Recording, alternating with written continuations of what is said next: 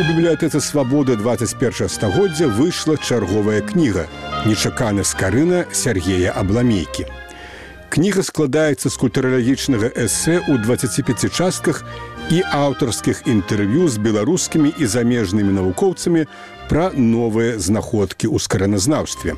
А зараз фрагменты кнігі чытае Сергей абламейка.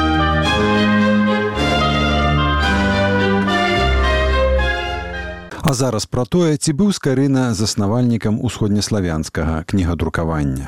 Пра гэта навукоўцы спрачаюцца да сёння. Два полюсы тут прадстаўляюць беларус Георгій Галенченко і расеец Яўген Неміроўскі.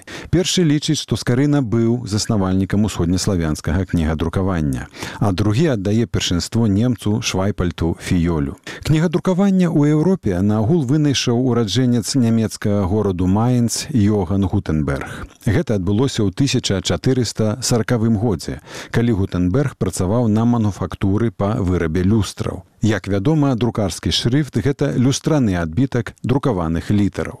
Гутенберг вырашыў не агалошваць сваё вынаходніцтва. Ён атрымаў на яго сакрэтны патэнт, знайшоў фінансавых партнераў і 13 гадоў распрацоўваў і ўдакладняў сваю тэхналогію. Кнігі ён пачаў друкаваць у 1453 годзе і да 1456 году паспеў выдаць лацінскую граматыку, некалькі папскіх дакументаў і дзве лацінскія бібліі. Скарына не быў пачынальнікам славянскага кнігадрукавання як такога. Славянскае кнігадрукавання заклаў немец швайпальт фіёль у польскім горадзе кракаў. Першая кніга фіёля на царкоўнаславянскай мове выйшла ў 1491 годзе і называлася актоіх. Да 1493 году фіёль выдаў яшчэ тры кніжкі.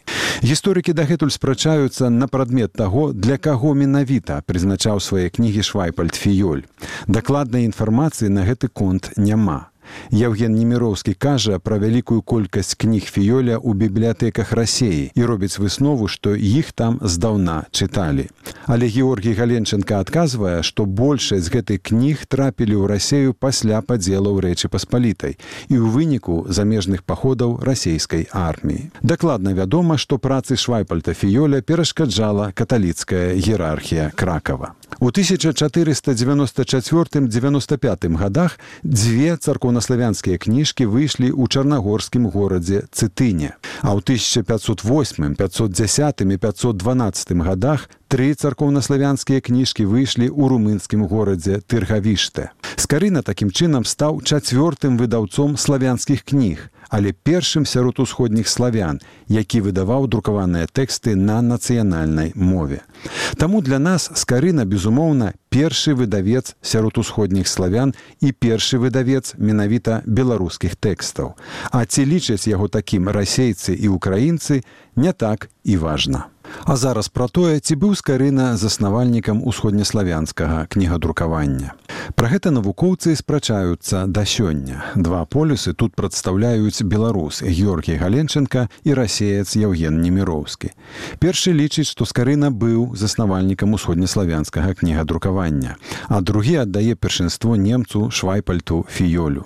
Кнігадрукаванне ў Еўропе наагул вынайшаў ураджэнец нямецкага гораду Майнц Йоган Гутенберг. Гэта адбылося ў 1440 годзе, калі Гутенберг працаваў на мануфактуры па вырабе люстраў. Як вядома, друкарскі шрыфт гэта люстраны адбітак друкаваных літараў. Гутенберг вырашыў не агалошваць сваё вынаходніцтва. Ён атрымаў на яго сакрэтны патэнт, знайшоў фінансавых партнераў і 13 гадоў распрацоўваў і ўдакладняў сваю тэхналогію. Кнігі ён пачаў друкаваць у 1453 годзе і да 1456 году паспеў выдаць лацінскую граматыку, некалькі папскіх дакументаў і дзве лацінскія бібліі. Скарына не быў пачынальнікам славянскага кнігадрукавання як такога. Славянскае кнігадрукаванне заклаў немец швайпальт фіёль у польскім горадзе кракаў. Першая кніга фіёля на царкоўнаславянскай мове выйшла ў 1491 годзе і называлася актоіх. Да 1493 году фіёль выдаў яшчэ тры кніжкі. Гісторыкі дагэтуль спрачаюцца на прадмет таго, для каго менавіта прызначаў свае кнігі швайпальт фіёль. Дакладнай інфармацыі на гэты конт няма. Яўген Неміроўскі кажа пра вялікую колькасць кніг фіёля ў бібліятэках рассеі і робіць выснову, што іх там здаўна чыталі. Але Георгій Галенченко адказвае, што большасць гэтых кніг трапілі ў рассею пасля падзелаў рэчы паспалітай і ў выніку замежных паходаў расійскай арміі. Дакладна вядома, што працы швайпальта фіёля перашкаджала каталіцкая іерархія кракава. У 1494-95 годах дзве царкоўнаславянскія кніжкі выйшлі ў чарнагорскім горадзе цытыне. А ў 1508, 510 і 512 годах тры царкоўнаславянскія кніжкі выйшлі ў румынскім горадзе тыргавіште. Скарына такім чынам стаў чацвёртым выдаўцом славянскіх кніг, але першым сярод усходніх славян, які выдаваў друкаваныя тэксты на нацыянальнай мове. Таму для нас скарына безумоўна першы выдавец сярод усходніх славян і першы выдавец менавіта беларускіх тэкстаў. А ці лічаць яго такім расейцы і украінцы не так і важна. А зараз пра тое, дзе скарына натхніўся на выданне кніг. У 1504 годзе скарына стаў студэнтам кракаўскага універсітэту. Кнігавыданне ў Польшчы пачалося ў 1474 годзе на лацінскай мове, калі ў кракаве выйшлі дзве кнігі і правобраз газеты кракаўскі альманах. Мяркуецца, што польскім першадрукаром быў саксонец Каспар Штраубе. Таксама ў кракаве, як памятаем, друкаваў свае славянскія кнігі швайпальт фіёль. А трэцім кракаўскім друкаром, які заклаў там друкарню ў 1505 годзе стаў таксама немец Ян Гелер. Скарына не мог не ведаць і не чытаць кнігі гэтых выдаўцоў, тым больш, што ён вучыўся ў кракаве ў тыя самыя гады, калі там засноўваў сваю друкарню Гелер. За гады побыту скарыны ў кракаве 1504-1500 за гады побыту скарыны ў кракаве 1504-1506 Гелер паспеў выдаць 10 кніг. Апрача таго, у бібліятэцы кракаўскага універсітэту на той час ужо былі італьянскія выданні вялікіх антычных філёзафаў Грэцыі і Рыму. Вядома, напрыклад, што Арыстотеля кракаўскія студэнты вывучалі па зборы твораў у пяці тамах выдадзеным у Венецыі. Таксама ў кракаве скарына пазнаёміўся і з працэсам вырабу паперы. Першы папяровы млын быў заснаваны ў гэтым горадзе ў 1496 годзе немцам фрыдрыхам шылін. Так што адказ на пытанне, дзе і калі францішак скарына натхніўся кнігавыданнем гучыць проста. Гэта стары польскі горад кракаў, першая гістарычная згадка пра які адносіцца да 965 году. Падзякуем палякам і немцам за гэта.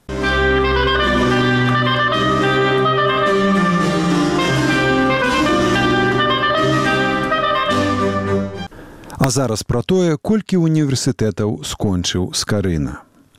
У часы скарыны універсітэты ў Еўропе былі каталіцкімі Гэта значыць, знаходзіліся пад кантролем каталіцкай царквы і непасрэдна мясцовага іерарха. Факультэтаў, як правіла, было чатыры.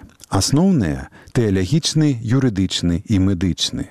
Перш чым паступіць на іх трэба было скончыць факультэт свабодных мастацтваў або навук са ступенню бакаляўра.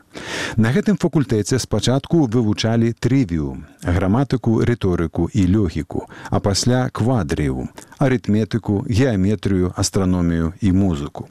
Мы ведаем, што ў канцы 1506 году францішак скарына разам з некалькімі сваімі землякамі, у тым ліку венцеславам са слуцку, атрымаў у кракаве ступень бакаляўра. А дзе ён вучыўся на медычным факультэце, не ведаем, як і не ведаем дакладна, дзе ён знаходзіўся наступныя 6 гадоў. У восень 1512 году, калі скарына прыехаў у падаю здаваць экзамен на званне доктара медыцыны, ён ужо мусіў недзе скончыць медычны факультэт і атрымаць ступень магістра. Да таго ж у дакументах падуанскага універсітэту скарына названы доктарам свабодных навук і прафесарам. Так што за тыя шэсць гадоў, пра якія мы пакуль нічога не ведаем дакладна, гэта 1506-1512, скарына паспеў стаць лекарам, пачаў лячыць людзей, а таксама зрабіўся доктарам свабодных навук і нават прафесарам.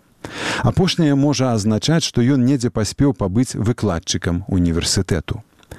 Улічваючы, што мовай выкладання ўсюды была лаціна, скарына мог скончыць адзін з універсітэтаў нямметчыны мог вучыцца ў вене празе або і пра гэта загаварылі апошнім часам у капенгагене. Там якраз чвэрць стагоддзя перад магчымым прыездам туды з карыны а менавіта ў 1479 годзе дацкі кароль крыстыян першы заснаваў універсітэт.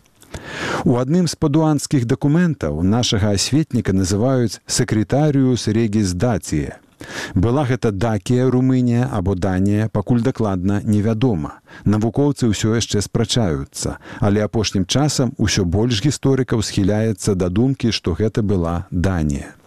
Тады становіцца зразумелым, дзе скарына атрымаў ступень магістра медыцыны. У капенгагенскім універсітэце ад самага пачатку яго заснавання ў 1479 годзе працаваў медычны факультэт. Праблема ў тым, што ў дацкіх архівах пакуль не знойдзена дакументаў, якія б сведчылі пра знаходжанне ў капенгагене беларускага першадрукара. Так што колькі дакладна універсітэтаў скончыў скарына мы не ведаем. Наперадзе даследчыкаў чакаюць новыя адкрыцці. Пакуль дакладна можна сказаць, што гэтых універсітэтаў было не менш за два, а можа і болей.